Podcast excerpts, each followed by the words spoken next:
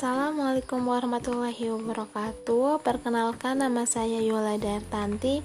Di sini saya akan sedikit menjelaskan mengenai menyusun desain pengambilan sampel dan juga pengambilan sampel dalam penelitian kualitatif dan prinsip triangulasi.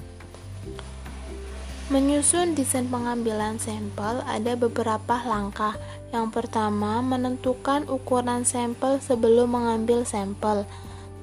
Terlebih dahulu harus ditentukan berapa ukuran sampel yang akan digunakan. Terkait dengan hal ini, terdapat beberapa hal yang harus dipertimbangkan dalam penentuan ukuran sampel, yaitu tingkat keseragaman. Semakin beragam data yang akan diambil sampelnya, maka semakin banyak pula sampel yang harus diambil. Rencana analisis semakin detail rencana analisisnya, maka semakin banyak pula sampel yang harus diambil. Kemudian, biaya, waktu, dan tenaga yang tersedia. Langkah yang kedua adalah menentukan kriteria sampel suatu studi dengan menggunakan sampel yang mewakili populasi atau disebut representatif akan memberikan hasil yang mempunyai kemampuan untuk digeneralisasikan atau diberlakukan secara umum kepada populasinya. Kriteria sampel yang representatif bergantung pada dua aspek yang saling berkaitan, yaitu akurasi dan ketelitian sampel. Kemudian langkah yang ketiga adalah menentukan teknik-teknik pengambilan sampel. Teknik pengambilan sampel ada dua, yaitu probability sampling dan non-probability sampling. Untuk probability sampling merupakan teknik pengambilan sampel yang memberikan peluang yang sama bagi setiap unsur anggota populasi untuk dipilih menjadi anggota sampel. Teknik ini merupakan teknik yang memungkinkan peneliti atau evaluator untuk membuat generalisasi dari karakteristik sampel menjadi karakteristik populasi. Macam-macam probability sampling sebagai berikut. 1. Sampel random sampling atau sampel random sederhana 2. Sampel random sistematik atau sampel random sistematik. Kemudian yang ketiga, sampel random berstarta atau started random sampling. Kemudian yang keempat, sampel random berkelompok atau cluster sampling. Kemudian yang kelima, sampel random bertingkat atau multi-string sampling. Kemudian non-probability sampling merupakan teknik pengambilan sampel tidak dipilih secara acak. Unsur populasi yang terpilih menjadi sampel bisa disebabkan karena kebetulan atau faktor lain yang sebelumnya sudah direncanakan oleh peneliti. Macam-macam non-probability sampling sebagai berikut. 1. Purpose sampling atau sampel pertimbangan kemudian accidental sampling atau sampel tanpa sengaja, kemudian ketiga kuota sampling atau sampel kuota, yang keempat saturation sampling atau sampel jenuh, dan yang kelima snowball sampling atau sampel bola salju.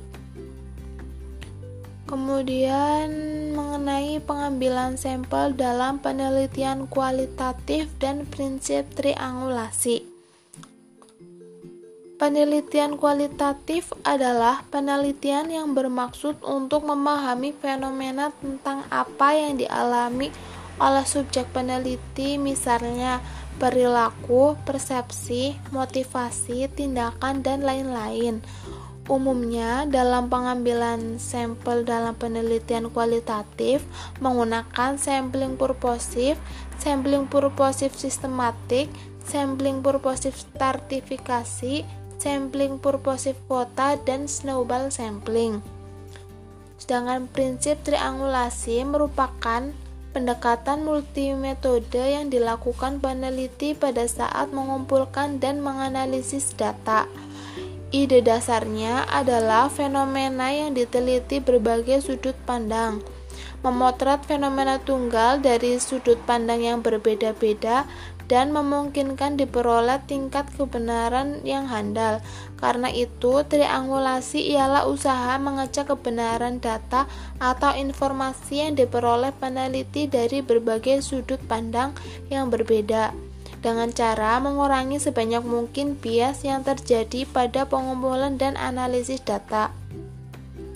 Dalam penelitian kualitatif, peneliti itu sendiri merupakan instrumen utamanya. Karena itu, kualitas penelitian kualitatif sangat tergantung pada kualitas diri penelitinya, termasuk pengalamannya melakukan penelitian merupakan sesuatu yang sangat berharga. Semakin banyak pengalaman seseorang dalam melakukan penelitian, semakin peka memahami gejala atau fenomena yang diteliti.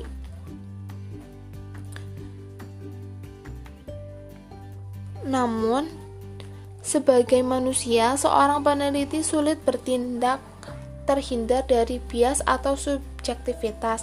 Karena itu, tugas peneliti mengurangi semaksimal mungkin bias yang terjadi agar diperoleh kebenaran utuh.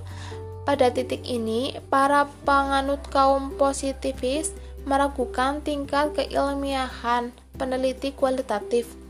Malah ada yang secara ekstrim menganggap penelitian kualitatif tidak ilmiah. Sejarahnya, triangulasi merupakan teknik yang dipakai untuk melakukan survei dari tanah, daratan, dan laut untuk menentukan satu titik tertentu dengan menggunakan beberapa cara yang berbeda.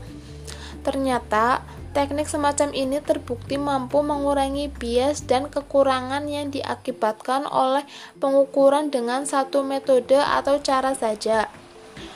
Pada masa 1950-an hingga 1960-an, metode triangulasi tersebut mulai dipakai dalam penelitian kualitatif sebagai cara untuk meningkatkan pengukuran validitas dan memperkuat kredibilitas temuan peneliti dengan cara membandingkan dengan berbagai pendekatan yang berbeda. Metode triangulasi semakin lazim dipakai dalam penelitian kualitatif karena terbukti mampu mengurangi bias dan meningkatkan kredibilitas.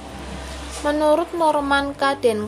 Mendefinisikan triangulasi sebagai gabungan atau kombinasi berbagai metode yang dipakai untuk mengkaji fenomena yang saling terkait dari sudut pandang dan perspektif yang berbeda. Sampai saat ini, Konsep Denkin ini dipakai oleh peneliti kualitatif di berbagai bidang. Menurutnya, triangulasi meliputi empat hal, yaitu yang pertama, triangulasi metode.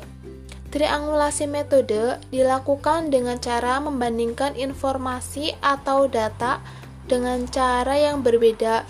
Sebagaimana dikenal dalam penelitian kualitatif, peneliti menggunakan metode wawancara observasi, dan juga survei untuk memperoleh kebenaran informasi yang handal dan gambaran yang utuh mengenai informasi tertentu. Peneliti bisa menggunakan metode wawancara bebas dan wawancara terstruktur.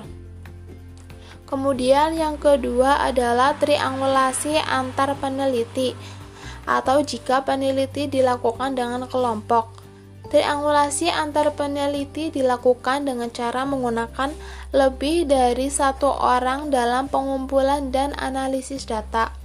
Teknik ini diakui memperkaya khasana pengetahuan mengenai informasi yang digali dari subjek penelitian.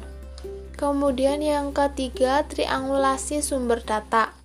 Triangulasi sumber data adalah mengenai menggali kebenaran informasi tertentu melalui berbagai metode dan sumber perolehan data. Misalnya, selain melalui wawancara dan observasi, peneliti bisa menggunakan observasi terlihat atau partisipan observation, anu dokumen tertulis, arsip, dokumen sejarah, catatan resmi, catatan atau tulisan pribadi dan gambaran atau foto te triangulasi teori. Yang keempat, triangulasi teori. Hasil akhir penelitian kualitatif berupa sebuah rumusan informasi atau tesis statement. Informasi tersebut selanjutnya dibandingkan dengan perspektif teori yang relevan untuk menghindari bias individual peneliti atas temuan atau kesimpulan yang dihasilkan. Sekian yang dapat saya jelaskan. Bila banyak salah, kami mohon maaf. Wabillahi hidayah. Wassalamualaikum warahmatullahi wabarakatuh.